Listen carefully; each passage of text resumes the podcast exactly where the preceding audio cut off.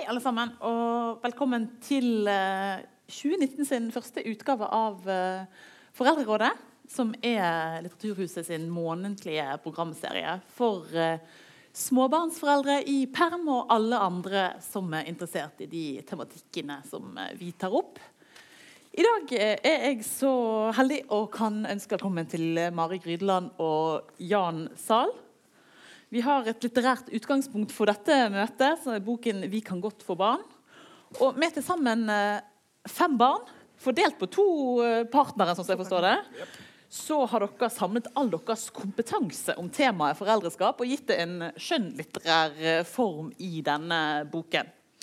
Og boken handler jo kort fortalt om Erle og Frank, som, andre, som noen lesere kanskje møtte i 'Vi kan godt uh, kysse'.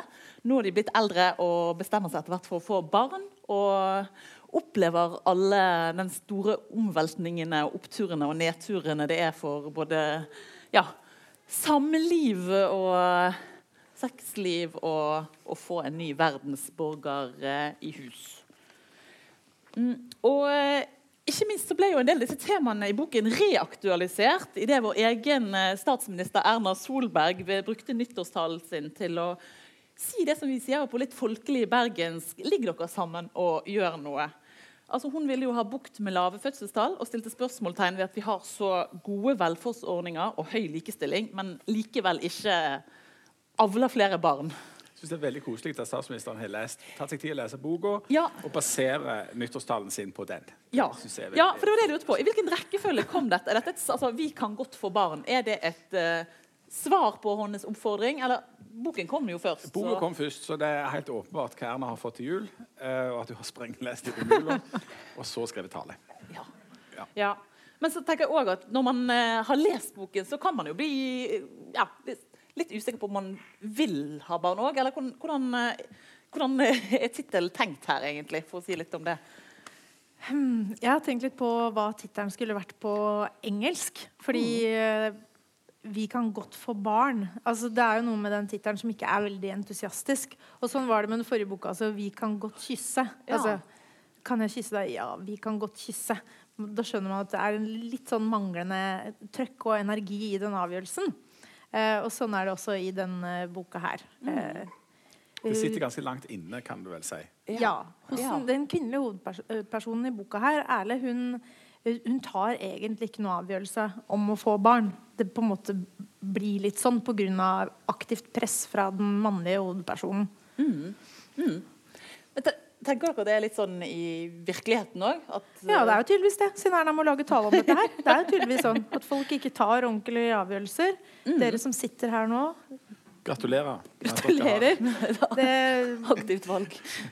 Aktivt og aktivt. Men altså, altså det, det, er jo, det er jo eh, helt åpenbart i tida da at altså, vi får jo da for få barn eh, i Norge for tida, selv om vi har verdens beste velferdsordninger.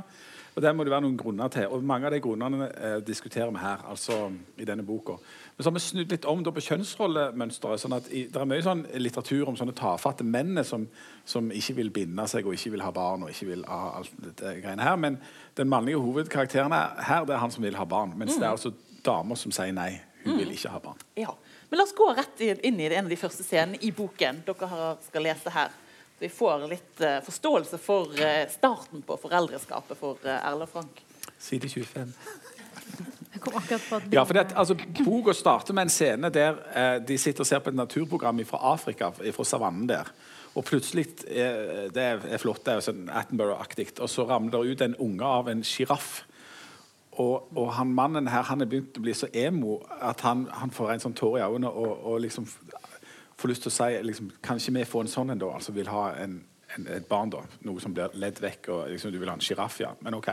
Så har det gått litt tid. Ideen har blitt lansert av han. Den har blitt avvist, men han gir seg ikke. Hun begynte altså med å blåse det bort. Ikke ta tanken alvorlig. Men noen uker etter sjiraffen på savannen så spurte jeg henne igjen.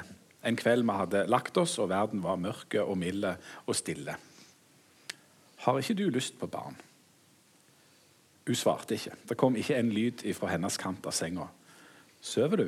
Nei, jeg sover ikke. Jeg, jeg, tror jeg har lyst på barn. Tenk så fint det kunne vært. Men vi har jo nettopp blitt sammen. Skal vi ikke ha litt tid sammen, bare du og jeg, før det kommer liksom en unge, og det bare blir bleier og nattevåk og styr? Vi har jo vært sammen i to år. Vi har jo snart bodd sammen i ett år. Et halvt. Åtte måneder. Det er nesten ett år. Det er litt over et halvt år, det, Frank. Kan du ikke telle?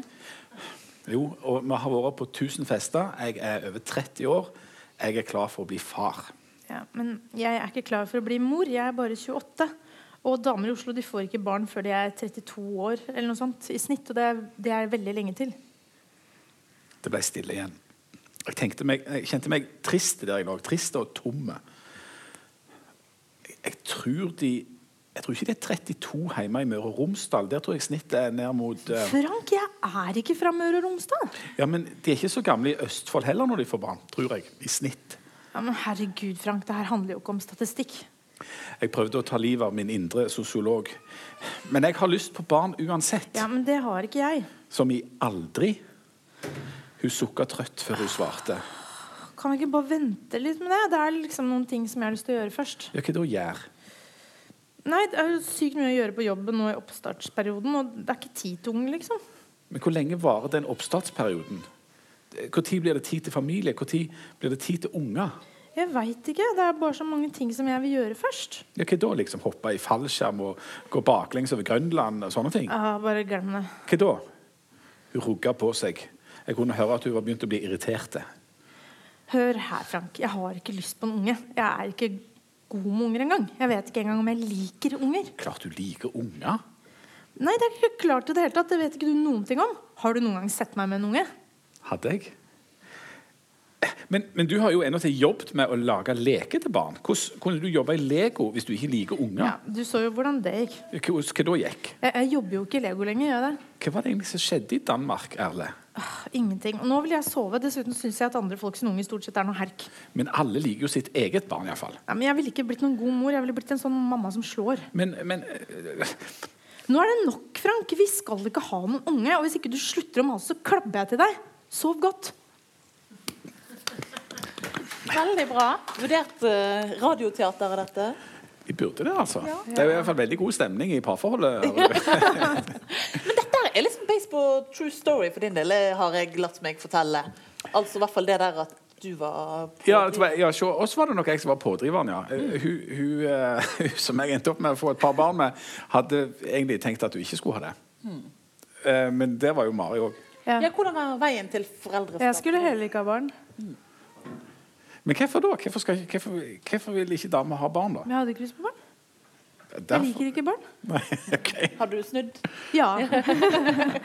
Gudskjelov. Men hva var det som fikk deg til å um, um, Jeg uh, er så heldig at uh, jeg ble sammen med en mann som er fem år yngre enn meg. Og alle vet jo at menn får stort sett ikke lyst på barn før de er 37. Så da var han fem år yngre enn meg, og da ville han vært liksom 37 da når han fikk lyst på barn. Og da hadde jeg vært 42. Og da begynner det jo å bli litt sent. Så jeg hadde, kanskje jeg tenkte det at det var underbevisstheten min som tenkte at uh, han vil sikkert ikke ha barn ennå, og jeg vil ikke ha barn heller. Jeg vil leve livets glade dager, drikke øl på Grünerløkka osv. Sove hele lørdagen og hele søndagen. Se på TV-serier til klokka er to, tre, fire. Døgne. Alt det morsomme da, som man liksom bare ikke får nok av eh, før man får barn. Og så, eh, og så, var det faktisk en helt konkret ting. Fordi eh, jeg har hatt mye magesmerter. Blir veldig personlig her nå. Mye magesmerter, Og så sjekka ut alt mulig rart. Eh, gluten, cøliaki, magekreft, alle de tingene der. Og så var jeg hos en gynekolog og sa nå er jo du journalist, nå må ikke du løpe hjem og google og frike helt ut. Men eh, nå skjønner jeg hvorfor du har vondt i magen, for du har jo PCOS. Jeg bare, PCOS, PCOS, er det dødelig? Nei. Men det betyr at du kanskje kan få litt problemer med å få barn. Det betyr polycystovaresyndrom. Det skyldes at man har altfor mange mannlige hormoner i kroppen. Og folk som har PCOS, de er faktisk overrepresentert blant respiske og journalister og jurister og andre konkurranseutsatte yrker. Så da tenkte jeg oi, jeg kan ikke få barn. Og så gikk jeg hjem og snakket med da, min unge unge mann om det. For da var jeg kanskje sånn 28-29. Og da sa han gynekologen ikke gå hjem og google, ikke få panikk, men hvis du noen gang får lyst på barn, så kom og prat med meg. Og da ble jeg sånn Hvis jeg noen gang får lyst på barn Jeg er jo snart 30. Er ikke det litt sånn nonsjalant å si av en gynekolog? Burde han ikke si nå må du tenke deg om? Så da begynte vi å tenke, og så var det sånn ok, men vi kan jo antageligvis ikke få barn likevel. Da dropper vi kondom og alt sammen. Så droppa vi det og ble gravide. Sånn. Og så sånn, og sånn. Så ble det tre barn på tre år. Men så, så Frank og Erle i boken, nå fikk vi et lite innblikk i det, men si, fortell oss litt. Hvor er, hvor er de nå i, i livsfasen før de nå eh, går på dette Ja, de er jo litt der, da. De er det man kaller for eh, Si det ordet. Fins det et navn? Dinks. Dinks, ja. Double income, no kids. Ja. Ja. Så de er jo happy as Larry. Endelig har de god økonomi, kan reise, drikke, gå på restauranter. Og da vil man gjerne fortsette med det en stund. Det er jo den der forlenga ungdomsfasen. Altså, det er jo et problem at, eh, at vi, vi er unge så lenge, og det er ungdomsidealet at vi slutter jo aldri helt å være det. da, på en måte. Sånn at de er ferdige med liksom, sånn studietid, og så skal de begynne å jobbe. Og, det, og så vil du jo jobbe en stund òg og ha liksom, litt inntekt og alt det greiene, og liksom ikke eh, binde deg helt. Men så, så skjer Men det er jo denne digge perioden som Erna vil fjerne. Ja, sant? Ja, det er den eh, digge ver- Og en del leger. altså Sist gang vi hadde Foreldrerådet før jul, så handlet det om eh, barnløshet og de som sliter med å få barn. Og Da var det en lege fra Haukeland her. Da. Hun var jo, og sant, de, Den fruktbare alderen er jo liksom mye tidligere. Ja, så da er det ja. sånn 25-årsalderen. Ja. Så eh, ut, Utdanningssamfunnet er jo ikke i tråd med den biologiske på en måte, når en biologisk burde fått barn. Og fruktbarheten synker jo helt sånn drastisk ifra ja, et eller annet. Men eh, så skjer det da noe i, i hodet på han her eh, Frank. Og Han er egentlig en litt sånn kjedelig kar fra Vestlandet. Eh, ikke fra eh, Rogaland, men oppi på, Han er jo en eh, streiting. Ja, han er en streiting fra, fra Stranda på Sunnmøre, der jeg aldri har vært. Jeg har vært der mange ganger som research, fordi flinke piker de gjør jo leksa si. I motsetning til Men flinke sånn- mennfolk som ikke trenger. Nonsjalante menn bare går inn på Google Maps og slår opp Stranda. Men iallfall eh, Så han begynner å bli litt sånn lei av det der ungdomsaktige livet. Og liksom eh, går på masse sånne innholdstomme fester og blir litt lei av å gå på fest. Og litt lei av å liksom kunne gå på bar, og litt Og han- lei av å drikke øl. Og litt lei av da? Det, Og så har han fått fast jobb i skoleverket, sant? Ja. i offentlig sektor. Ja. Så er sånn, han blir mer sånn trygghetsnarkoman, eh, vestlending, eh, sosiolog i offentlig sektor. Eh, og det er litt sånn ah, skal, skal jeg gå på enda flere barer? Nei, nå må vi komme i gang med det som, er liksom, det som gjelder her. Og det er å få formert seg litt. Og, Og så handler det også om at en eks av Frank eh, får barn og ikke sant? Det er litt sånn litt sant? konkurranseinstinkt også, ikke Ja, ja. Det er mye konkurranseinstinkt som Men er de, de er jo et umake par, for det er litt sånn, og det er litt sånn øst møter vest. Det er mann møter dame, men òg øst møter vest. Han er, han er vestlending, hun er veldig østlending. Eh, han hadde egentlig bare tenkt han skulle være litt i Oslo. Eh, men nå, nå er han liksom blitt litt sånn urbanist og litt sånn her moderne. Og ja, nå skal de bo på, på Tøyen, liksom, og der er det kult og trenger ikke så stor plass og alt dette greiene her. Så mye av boka handler om eh, en sånn krasj mellom hvordan du tenker på at du sjøl skal være, og, og hvordan det faktisk blir. De har noen forventninger om at når de da skal få barn, så skal de bli buende i sentrum, for det er jo så praktisk, for der er jo kaffebaren og den indiske takeawayen rett i nærheten, og det blir så fint og sånt. Og så endrer jo hovene seg når de har fått unge. Ja, så hva, hva er det som skjer i et forhold, og i et forhold når man får, får barn? Nå har dere jo både egen erfaring og, og boken å, vise til, så Det starter jo med unntakstilstand ja. og katastrofe og måte. Ja, og møte seg selv i døra flere ganger om dagen. ja. På hvilken måte da? Nei, fordi man kanskje har sett for seg at uh, man skal ta det på strak arm, og man skal jo gå på fest og bare ta med seg ungen, f.eks., og man skal tilbake på jobb med en gang, og man skal liksom bare kjøre på. Men så spiller kanskje ikke eh, kroppen helt på lag med det. Virkeligheten er litt annerledes. Plutselig så, så ser du hvor teit du er når du står der med babybagen, og volumet på festen øker og øker, og ons, ons, og står og prøver å være med, og egentlig bare ødelegger du festen for alle. Alle bare ser på deg og babyen og bare Kan du ikke bare dra hjem? Men du var litt der selv i begynnelsen? ja, ja. ja. Jeg har gjort alle, alle feilene. Eller feil og feil, man må jo gjøre det òg. Hvis ikke så lærer man jo ikke noen ting. Du, hadde du noe sånn pappasjokk når du Nei, jeg tror ikke noe på noe sånn Ikke mer enn vanlig, holdt jeg på å si. Altså, du, du må jo bare finne din plass på en måte som er å holde hånda og holde ut, og holde kjeft. Eh, Gjøre så godt du kan og springe en del rundt. da. Men, men eh, han, han i boka han, han ble jo mest litt sånn nasjonalromantiske. Han ble litt sånn opptatt av sånn arv og slektskap og, og liksom sånn generasjoner og sånne ting. Og så- Røtter. Røtter, rett og slett. Og, og syns å, å gå rundt der på, på Tøyen i asfalten og, og slapset i Oslo og, og bor i 45 kanondyre kvadratmeter og tenker men hvis jeg hadde flytta tilbake til Vestlandet, hvis jeg hadde flyttet tilbake til Stranda, da hadde vi fått et stort, flott hus, og vi hadde hatt slekt, og der og vi hadde hatt fjell, og vi hadde hatt fjorden, og, og, og liksom alt det der. Så han blir nesten litt sånn nasjonalromantisk. Så han vil egentlig tilbake dit. Men der er ikke Erle. Nei, men de blir litt engstelige begge to. Fordi at eh, Frank-karakteren er veldig opptatt av trafikksikkerhet og er redd for at noe skal skje med ungen og liksom, sprøyter i parken og sånn. Mens eh, Erle er vel kanskje mer redd for at eh, for at uh, ungen skal bli borte, at Frank skal bli borte. Og hun sitter og tenker på de på jobben, og de tenker ikke på henne. Er det rettferdig? Hun løper hjem, og de er ikke hjemme. Altså sånn, Den der eh, følelsen av at man hele tiden er på feil sted. da. Eh, og, og, og veldig mange venter jo om å få barn fordi de kanskje har en jobb eller de skal kanskje rekke et sånn eller sånn. eller sånn. Og så, eh, og så får man ungen, og så skal man liksom tilbake. Og det er ingenting av det som var på jobben, er noe spennende lenger. Eller det er ikke verdt det. Eller det er bare sånn Seriøst, skal vi lage en pop-opp-kafé? Hva faen? altså, sånn, det føles så meningsløst. Når du er liksom en omvandrende melkemaskin, så skal du sitte der og liksom Og du, du, du, du er ikke der i det hele tatt lenger. Og da er det for seint å begynne å ta legeutdannelse og, og liksom gjøre noe som betyr noe i livet. ikke sant? Da er, da er det på en måte kjørt. Og da vil man bare hjem og være med familien. Og så angrer man på at man var liksom sånn hardcore feminist som skulle tilbake på jobb etter to måneder og gjøre sånn som Ellen Arnstad, bare legge babyen under bordet og, og trodde at det var liksom mulig, da. Eller at det var det man ville. Men så er bare følelsen og kroppen er bare sånn Nei, jeg vil være med babyen min. Og det kan sitte i lenge. Mange mange år. To år, tre år. Ungen blir større og større. Og du har liksom egentlig lyst til å henge med den ungen. Og så har du den jobben som bare åh, åh. Det har jo kommet en ny hovedperson inn i familien. Da, sant? Det er jo Ja. det som, det mener jeg er det sunne med å få barn. At du får en annen hovedperson i livet ditt enn bare deg sjøl og din egen navle. Det har alle godt av. Eh, og, men så er det jo det, det Men da kan det jo f.eks. gå ut over Ikke de de to som ufrivillig barnløse. De har ikke godt av det. De, Nei, de har ikke godt av det. men, men, eh, men det går jo ut ved de to som tidligere var hovedpersonene i den familien. da, sant? Så da, er jo, da blir jo det òg enda mer komplisert. Ja. Frank er jo stadig litt sånn seksuelt frustrert. Og Han sånn. er seksuelt frustrert. ja. Og det syns Ja, jo og det, og det, og det handler jo om at eh, han får ikke eh, Altså, han føler at, eh, at eh, Og dette er ikke virkelighetslitteratur. Nei, det dette er ikke få med det, så ikke det blir helt Eh, sånn rar enormt, stemning her nå. eh, Lite seksuelt Nei. eh, Men eh, iallfall så eh, Og det syns jo Erle er urettferdig, fordi at han maser om barn, og så får han barn, og så skal han fortsette å ligge. Er det greit? Ikke sant? Så det er litt sånn Ja. Men dette òg er noe vi har lest i flere bøker om at eh, kan oppstå ja.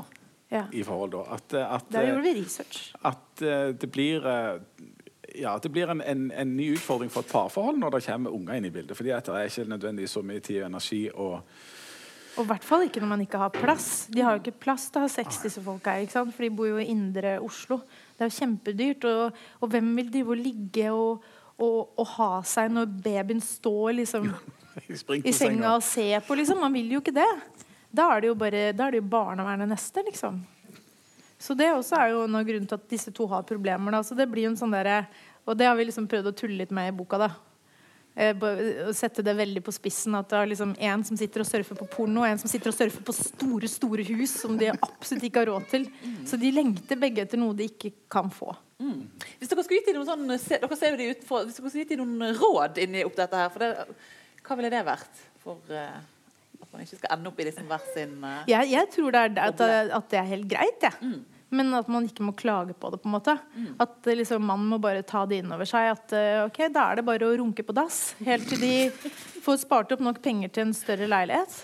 Jeg tror, Det kan jo kanskje, jeg tror kanskje ikke det er løsninga fra det mannlige perspektivet. Da. Eh, men eh, Nei, men altså, de, de, eh, de burde jo ha, ha Men det er jo greit å ha det litt vanskelig. Ja, ja, men de burde kanskje ha liksom snakket litt sånn uh, bedre sammen om dette her, da, rett og slett. Uh, Ja, det er sant, det kunne du gjort. Peter Kjøst-aktig råd, her. Men, men uh, For de er litt, på litt forskjellige plasser, og så kommuniserer de ikke alltid så jækla Ja, godt. da. ja jo, Så det det er litt sånn forskjellige forventninger, og det er forskjellige forventninger for Ja. ting skal løses. Og det er jo et styr. Ja, og det, og det, er, det er veldig bra tips. Det, det er med rådet mitt til alle pappaer å lese Peder Kjøs 'God pappa'.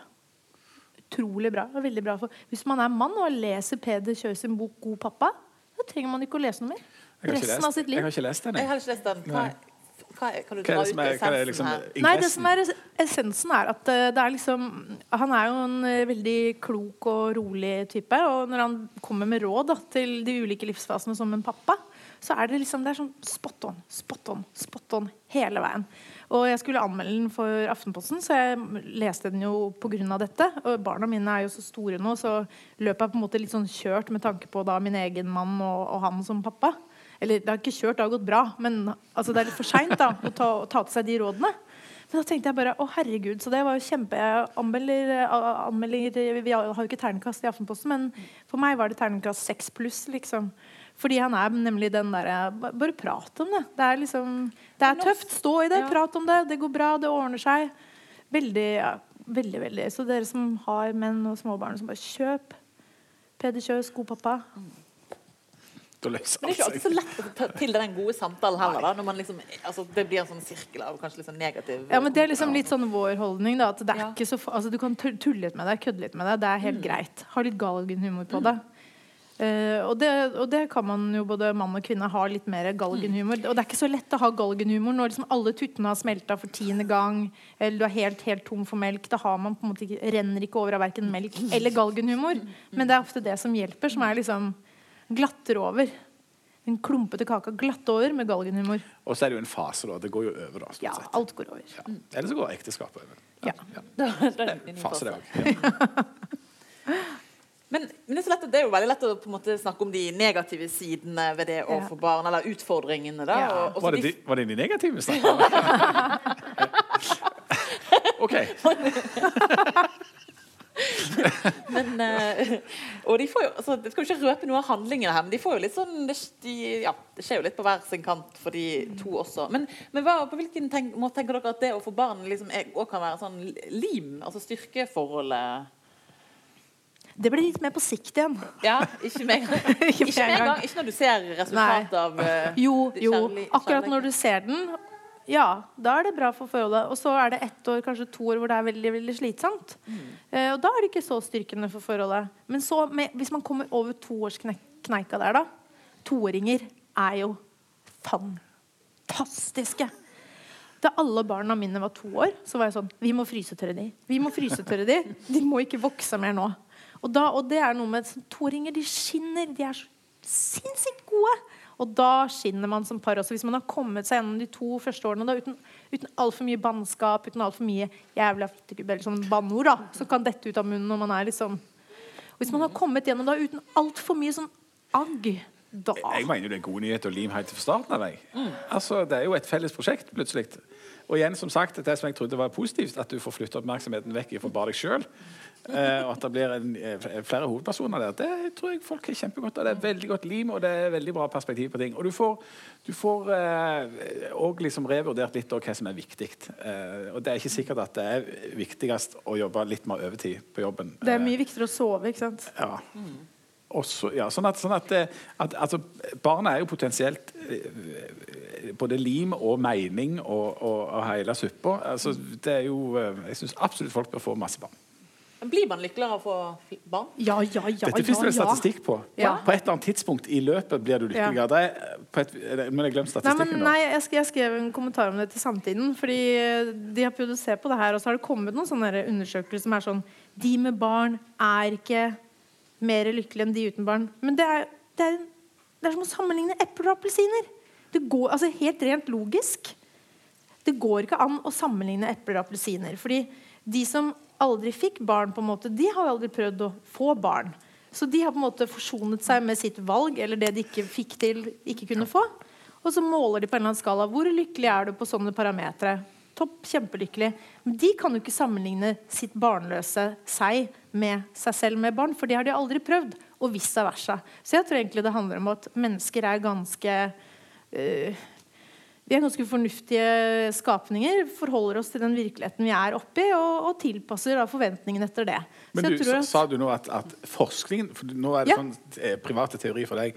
Men sier du at forskningen sier at folk med barn er mer ulykkelige enn folk uten barn? Nei, Det var en sånn der stor magasinartikkel i eh, Dagbladet Magasinet rundt 2008 eller sånt noe, som viste at de med barn ikke var lykkeligere. Så det var sånn cirka jevnt. da. Det, var liksom, det, det ga ikke noe utslag. Det var ikke sånn at de var veldig mye mer ulykkelige heller.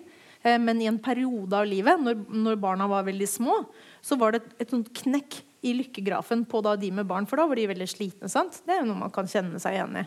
Men sånn summa summarum, etter et visst antall år, så er det ganske jevnt. Da. Det er helt likt egentlig mellom de som har fått barn, og de som ikke har fått barn. Og det er bare logisk.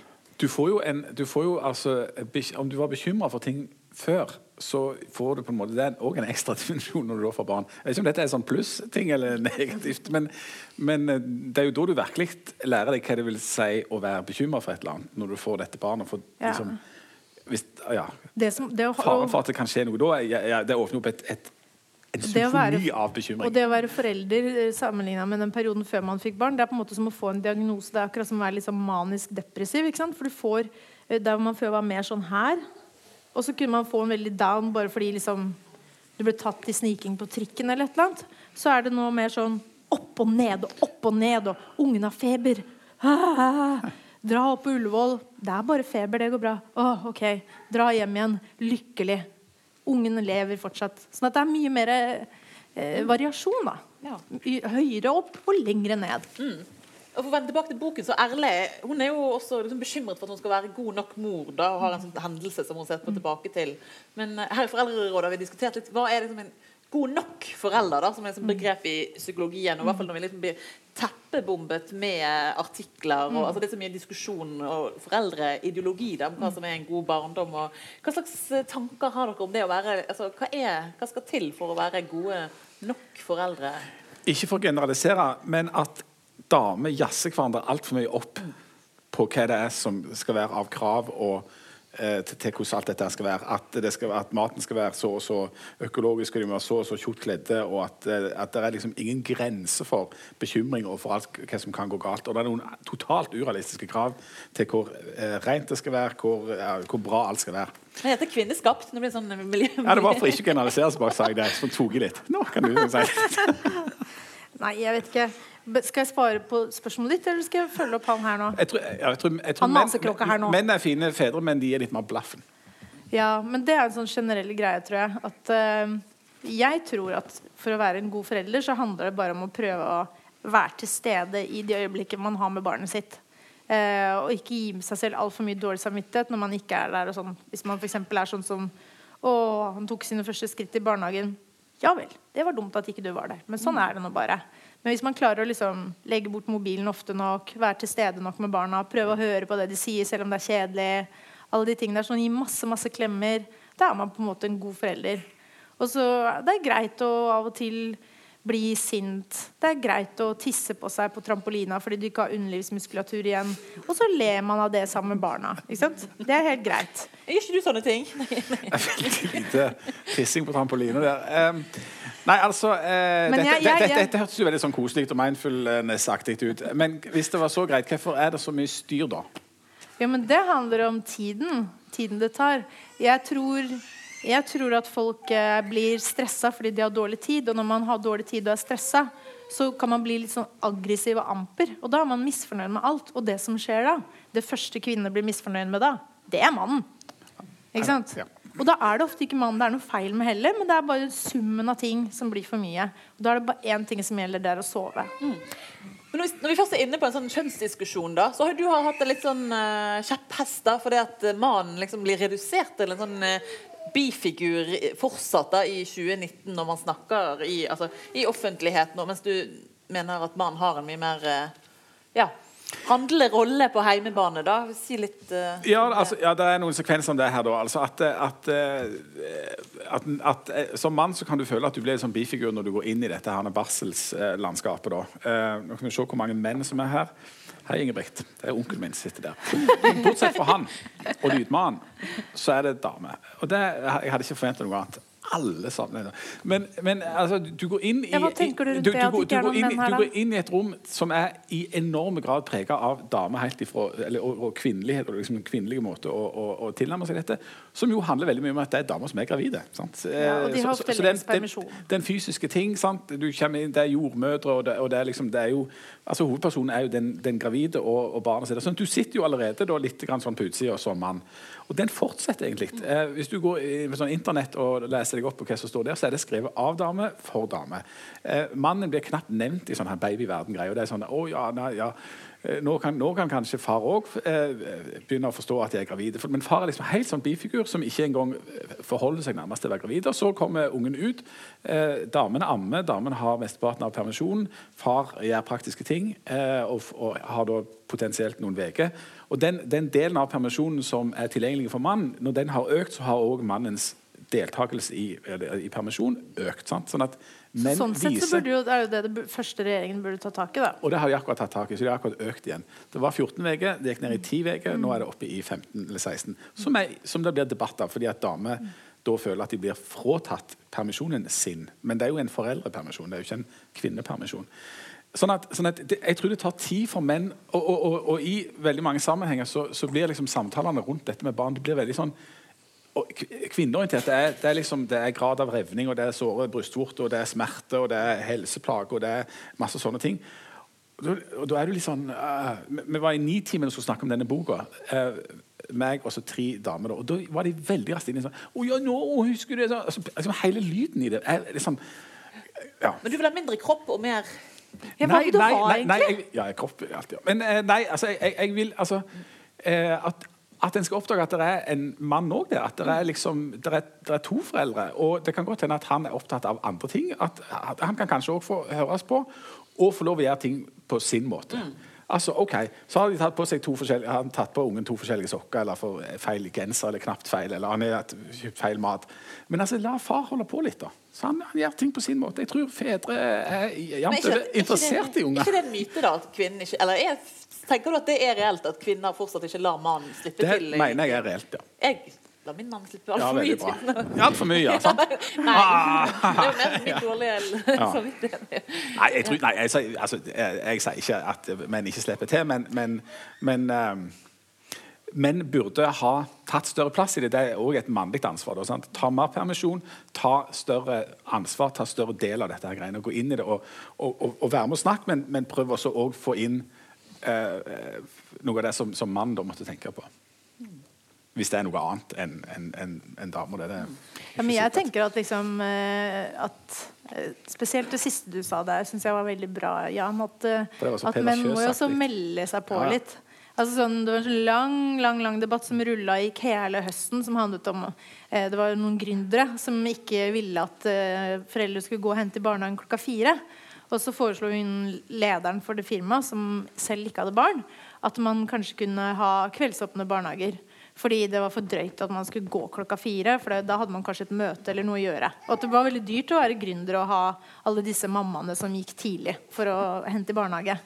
Og da var det ganske mange runder med seks-sju forskjellige damer på forskjellige sider av debatten som slang seg på. Og så liksom, når det nærma seg jul, så var det én pappa som var liksom som hadde funnet fram tastaturet nedi veska et sted. Ja. Og var sånn Jeg må også hente i barnehagen. Det var sånn en, en, en, for en mannlig tilbøyelighet er bare liksom trekke, hvis det blir for mye hvis det blir for mye støy, så, støy, så bare trekker du liksom tilbake, og så bare lar du det holde på, og så gjør du et eller annet annet. Sånn at det, det, er jo eh, Mannen må liksom steppe opp litt, ja. Hmm.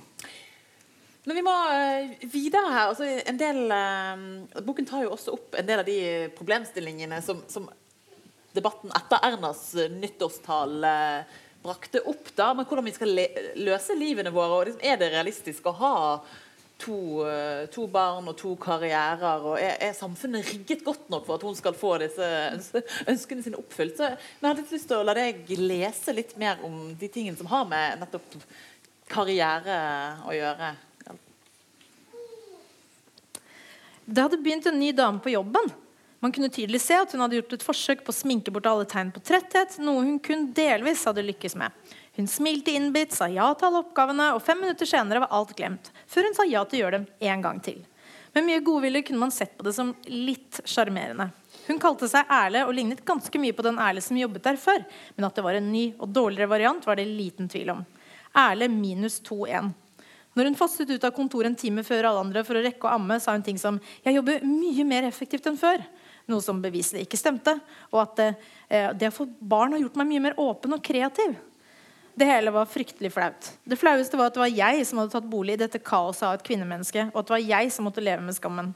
Det verste var at jeg ikke hadde Helene til å hjelpe meg. Hun var i perm, og jeg skulle rykke fra, rykke inn, rykke ut. Vise alle at jeg hadde fortjent å få kjøpe meg inn i firmaet. Uh, har vi kontroll på Lego-lanseringen? spurte Henrik. Jeg nikket. Strammet hetta på den praktiske dunjakka jeg hadde anskaffet. Full kontroll med styling-skjell, sa jeg. Hva? sa Henrik. «Eh, nei, si det. Eh, du snakket noe om oppkjøp. Eh, har du hørt noe mer? Eh, det er et firma som heter Habbe Media. De tok, kontakt i forrige uke. Jeg tror kanskje de hadde behov for et litt større byrå. Jeg, jeg møter dem, så får vi se. Vil du selge, da? Henrik så på klokka og deretter på meg. Jeg vet ikke. Både ja og nei. Der har du livet i et nøtteskall. Alle ting har noe positivt og negativt seg. Og apropos negativt, så må jeg stikke nå, eh, fordi eh, hun er ikke så glad i flaske. Og så løper hun. Ja. Da møter vi litt krasjen igjen mellom karriere og familieliv. Eh, ja, altså Ærlig Boken er jo bekymret for at karrieren skal stagnere av å få barn. Og siden det er et kappløp å til å være en god mor, god arbeidstaker og god partner. Altså, tenker dere at samfunnet er rigget sånn at det går an å ha to karrierer og to tre barn? Det er du som har snakket om det. Eh, jeg, jeg trodde det og prøvde veldig hardt på det og gønna veldig på og kjørte full pupp, bokstavelig talt. Uh, men nå syns jeg kanskje ikke at det funker så bra. Eh, fordi én ting er på en måte å møte opp på jobb og liksom komme seg gjennom dagene, men med det der med å ha liksom en karriere og hele tiden på en måte levere eller jobbe hardere og få en høyere stilling og sånn, det, det er ikke alltid så lett hvis begge to da skal gjøre det samtidig. Så jeg tenker at da må man på en måte en av gangen, kanskje. At det funker bedre. Jeg kom, helt personlig kom jeg i en situasjon hvor vi var liksom to stykker som skulle være redaktører, og, og hele tiden hadde møter og, og hele tiden kranglet om hvem som Kan du Kan, du, kan ikke du Du kan ikke det, nei. Nei, kan ikke jeg heller. Og så har du det gående. Så det funka ikke så bra. Samtidig, det, da er vi jo i ilandsproblematikken. sant? Hvis jeg, vi skal være litt kontrære her. Um, for dette er jo, dette er jo sånn altså, Det fins jo knapt noe land eller noe altså, geografisk eller historisk tidspunkt i verdenshistorien der det har vært mer gunstig å få barn og er mer tilrettelagt for å få barn enn Norge nå. sant? Altså, Vi har eh, fødselspenger, og vi har eh, permisjon, og vi har eh, fleksibelt arbeidsliv og barnehager. Vi har liksom alt lagt til rette. Og allikevel så har vi da ikke tid eller mulighet for det. det eh, jeg, Jeg tenker, jeg, tenker, jeg tenker av og til på oldemor mi. Mm. Sammen Ingebrigt. Um, som i 1917 flytta opp et eh, småbruk i Svandalen utenfor Sauda. Der, eh, der, det, da, der det var verken vann eller strøm eller noe som helst. Og Mannen han bodde stort sett nede i Sauda fordi han, han eh, jobbet på fabrikken. Men han var hjemme ofte nok til å eh, befrukte, så de fikk åtte barn. Eh, og så brant småbruket ned i 1932. Hun var stort sett alene. Altså, da var det vanskelig å få barn, da. Eller, Ja, jo, jo, jo. Men det blir jo litt sånn Og i steinalderen. ja, altså, ja, ja, men, ja, sånn- men, men, Men poenget er at norsk arbeidsliv er jo litt spesielt på alle måter også. Norsk arbeidsliv er jo også veldig bra før man får barn. Så det handler jo noe om det også. sant? Altså, det er ikke sånn at eh, i, vi har et arbeidsliv tilsvarende London, og så får vi barn, og så begynner vi å bli vra- vrange. Det handler om at før vi får barn, så vil vi også gå hjem klokka fire og fem eh, hvis vi har mulighet til det. Og dra på hytta og langweekend. Folk uten barn gjør det, liksom. Og lever livet og har, har lange ferier og tjener godt og Så det er jo hele pakka, da. Ja, men, hva, men hva er det som skulle, skulle til, da? Eller hva er det vi mangler eh, ut ifra sånn, ditt perspektiv for å få flere, kunne få flere barn? da, altså Jf. Erna sin oppfordring. Sånt. Hva er det vi ikke har her, som hadde hjulpet? Nei, altså Det man, det man ser, er at andelen kvinner som jobber deltid, har eh, gått ned siden 2008. Og samtidig går fødselstallene ned også. Så det handler jo om at jo mer man jobber, jo mindre ork har man da til å kanskje få ett barn til. Og det er det man ser på tallene. Man må prøve å legge til rette for at eh, de som er så heldige at de har funnet kjærligheten i livet sitt og har lyst til å få barn som studenter, de syns jeg burde definitivt få bedre har bedre rettigheter enn det de har i dag. Det er jo verdens dårligste idé økonomisk å få barn før man har da fått den faste jobben. og sånn. Så selvfølgelig, hvis du vil at de heldiggrisene som finner kjærligheten tidlig, skal få barn tidlig, så må man gi dem mer penger. Det er, det er soleklart. Nordmenn er ikke tjukke i pappen. Eh, Men det som også viser seg, er at de som eh, før fikk barn nummer tre, og kanskje til og med fire Det var en liten sånn trend der i 2008 og det, hvor det så greit ut, og så har det bare gått nedover. Så folk vegrer seg for å få barn nummer tre og barn nummer fire. Og jeg tror det handler både om eh, at man har eh, kanskje ikke penger til å kjøpe større leilighet. Altså Det er drittøft å kjøpe seg leilighet i byen. Og få noen større leiligheter er nesten umulig, for alt som bygges, er toroms. Ikke sant? Så allerede der det, det kan man gjøre noe konkret med. Og det andre er jo det der med tiden, at tiden ikke strekker til. For du må jo følge opp de barna du har. Du har ikke lyst til å være hun som ikke kan ha barna på aktiviteter fordi du ikke får det. Du rekker ikke, liksom. Så det er, sånn, det er jo et ganske vellykka samfunn vi lever i, og så skal man prøve å liksom passe inn i dette vellykka samfunnet. da. Uten at det handler om at alt skal være perfekt. Det handler ikke om at man skal ha liksom, perfekt manikyr og drikke kaffe latte hele dagen og gå på spa. Det er ikke det det handler om. Det handler bare om å liksom Men det fins jo noen som får både fire, og tre og fem barn. Ja da. Og eksempel Kristin. Skogen Lund hun har jo fire barn. To ganger to tvillinger. Hun har jo au pair og vaskehjelp. ikke sant? Og det er greit. Noen liker å ordne seg på den måten, men da syns jeg at de skal være enda mer høylytte på det. At det er sånn vi har ordna oss. Så kan man si at da, eh, sånn, altså Ikke late som om liksom, jeg har klart det, for jeg har så mange gode mentorer. For det, det er bare arbeidssiden av det. Det er masse praktiske oppgaver som de løser ved å få inn andre folk. Ja. Det er bare en liten flamme så der fra meg. Jo, jo, men Det er en helt ærlig sak, og mange, mange er kjempefornøyd med det. Og det er helt kurant, Men da syns jeg ikke man skal late som om at man ikke har fått masse hjelp for å få det til å gå i hop. Men nå er det jo et problem, da, for nå er vi nede i 1,6 barn per dame. Og for at liksom, befolkningen skal holdes jevne, så burde det være 2,1. Så det er ikke nok med de to som jeg har fått, og som du har fått. Men det heier deg. For dette, i snitt så går dette veldig fint opp nå. Da, med oss. Men det blir jo en sånn norsk boble òg, da. Ja, ja, Altså, ja, ja. Ja, ja, men vi har ikke noen annen boble å forholde oss til. Og det, det ser jeg alltid Hvis folk sier sånn det er et ilandsproblem, så sier jeg sånn Ja, men nå lever jeg et iland, da. Så det er- litt vanskelig for meg plutselig å få u-landsproblemer. For da burde jeg kanskje flytte et annet sted og ha u-landsproblemer der. Men så lenge jeg bor her, så har jeg på en måte ilandsproblemer. Og vi har en ilandsstatsminister som vil ha ilandsbarn. Ikke sant? Og da, da må man på en måte forholde seg til den virkeligheten som vi har her. Og de boligprisene vi har, og matprisene, og bleieprisene, og barnehageprisene. Og lønnsnivået. Og fleksibiliteten i arbeidslivet. Ja, ja, men den er kanskje ikke så fleksibel likevel, da. Når barna er syke og Jeg har tre barn. Jeg så liksom først at jeg skulle ha 15 sykedager, så jeg tenkte 15 sykedager? Og tror jeg har fått noen sveklinger. Så bare Det holder ikke med 15 sykedager, nei. Det holdt ikke.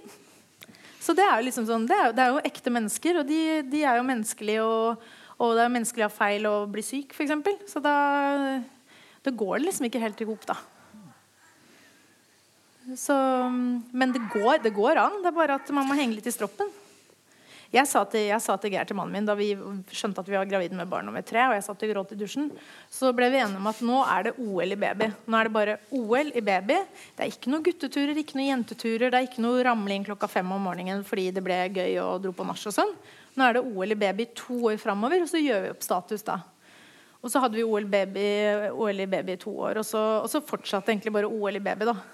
Det var ikke ferdig. Det hadde gått to år. Det var jo fortsatt mer arbeid igjen å gjøre. Men eh, hva bok, altså, Boken er jo veldig kjekk å lese og underholdende og går inn på eh, ja, viktige problemstillinger. Men hva tenker dere at den, eh, Det er jo litt så upopulært å snakke om budskap, da, men tenker dere at det skal være en, skal det være en trøst til småbarnsforeldre? Eller preventivt, eller, eh, eller sånn som i Erna-ånd?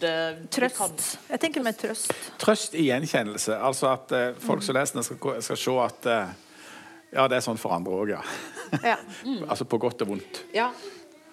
For det handler jo, jeg føler jo også litt det handler om det at vi har så utrolig sånn høye forventninger. Da, at det er litt sånn deilig å, å, å vite at andre strever litt også av og til, og ikke bare surfer inn eh, i baby-OL og Og så er, så er det jo skrevet, altså, det er jo, eh, Vi har jo prøvd å kombinere at vi skriver faktisk om en del sånne ting som for så vidt er alvorlige og som er eksistensielle, og sånt, men så prøver vi å, ha, å gjøre det med et visst humør. da. Ja. Eh, så det er jo en slags sånn blandingssjanger i litteraturen. At det er liksom ikke sånn tungt og vanskelig eh, å hånd mot et gardin. Det er liksom eh, et visst humør, forsøksvis. ja. Men nå når vi snakker om hvor travelt det er å ha unger, og dere har fem til sammen, hvordan fikk dere faktisk til å skrive bok sammen? Det Det tok jo litt lengre tid enn vi hadde trodd. da. Ja. Ja. Og det var bare konsekvensen, at det tok lengre tid. Det er jo 15 år siden de begynte å kysse, og så kom det barn 15 år etter. Det tar jo litt lang tid. Når vi skrev den første boka, da var eh, vi begge mer eller mindre single, men i hvert fall uten noen slags form for barn. Eh, og så bodde vi i Oslo begge to. Og så var det sånn her en fredagspils liksom vi kom på ideen, og da var det mye lettere å få det til. Altså, da, Ja. da var det bare oss. Hadde ikke noe annet å tenke på. Så, det, så fikk vi nå eh, familie og unger på hver vår kant, og da er det ikke energi til å tenke så mye på det på en stund. Og så, når, når ideen da dukket opp igjen, så var det sånn ja, vi skriver, vi skriver om å få barn, og siden vi har skrevet bok før, så går det sikkert veldig raskt. Vi orker ikke det, det er liksom langstrakte greiene. Så vi, vi, vi, et, vi, liksom, skriver den på si på et halvår, og så tok det tre og et halvt år. Og det er jo fordi at vi har fått barn og familie, og da ja, er ikke det så lett. Og vi bor på hver vår kant av landet. Ja, og fast jobber på hver ja, vår kant. Og, Og, ja. Så, um, og travle partnere og så nå, det er jo hørtes veldig sånn, ting høres veldig sånn problemorientert ut når jeg sier det, men eh, det, er- det er jo stas at Ting tar gjort den da. tiden det tar. Ja, ja. Hva, hva gir det å skrive bok sammen? Det der å ha på en måte det doble perspektivet da, på det som skjer? Det er veldig bra for meg, i hvert fall, for jeg kan være litt av en mannehater. Så det er veldig bra å få litt uh, justeringer der. Ja, det, ja, det er en blanding av, av en god og en dårlig idé, vil jeg si. Eh, fordi at eh, det eh, med, altså, Hun er en krusedull og jeg er en firkant. Eh, Og det er veldig vanskelig å få en krusedull og en firkant helt til å Hva legger du i det? Hun, eh, I motsetning til meg så er hun fantasi eh, og ideer. eh, og sånn som dette her. Men eh, det koker såpass i skallen der, så hun kommer alltid med en masse sånn så, greier som dette her. Litt for Eh, mange ideer, kanskje. også, også, men, mens jeg men liksom diskuterer sånn, hvordan dette, liksom, historien skal være, og så, og så setter jeg opp nærmest sånn tidslinje og har nærmest sånn Excel-ark med der dette er dette vi har bestemt. Så der er firkanten. Men krusedullen slutter jo ikke å være krusedull. Sånn at det forsvinner jo i hytt og vær og fram og tilbake. Så klarer jeg liksom prøve å få henne tilbake igjen til den der linja. Eh, så da tror jeg at Fordelen for min del er at det kommer mange ideer og mye sånn eh, krusedullaktig. Mens hennes fordel er at denne streitinggreia i den der linja og Excel-arket gjør at den faktisk blir ferdig til slutt. Det høres jo egentlig sånn optimalt ut, sånn at dere utfyller hverandre på en god måte. Ja, det er, det er, det er bra og utfyllende, og så er det eh, frustrerende. Eh, Og redaktøren vår, Matte. Stoibe, sa at han, Ja. det var som å være parterapeut. Ja. Ja.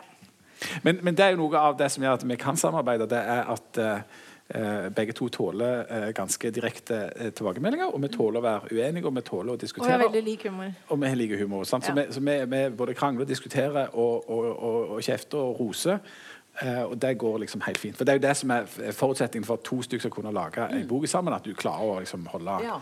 Men dere sitter og er kritiske til hverandres deler? Absolutt. Hva, Absolutt. hva har det du har liksom prøvd å dempe hos henne? Eller? Nei, At det tar av i alle slags ulike retninger. At hun mister sporet. Ja, sånn, hvilket år er du nå, Maria? Ja, sånn, jeg bare, vet ikke. Nei, men det går ikke, fordi her har de ikke fått barn ennå.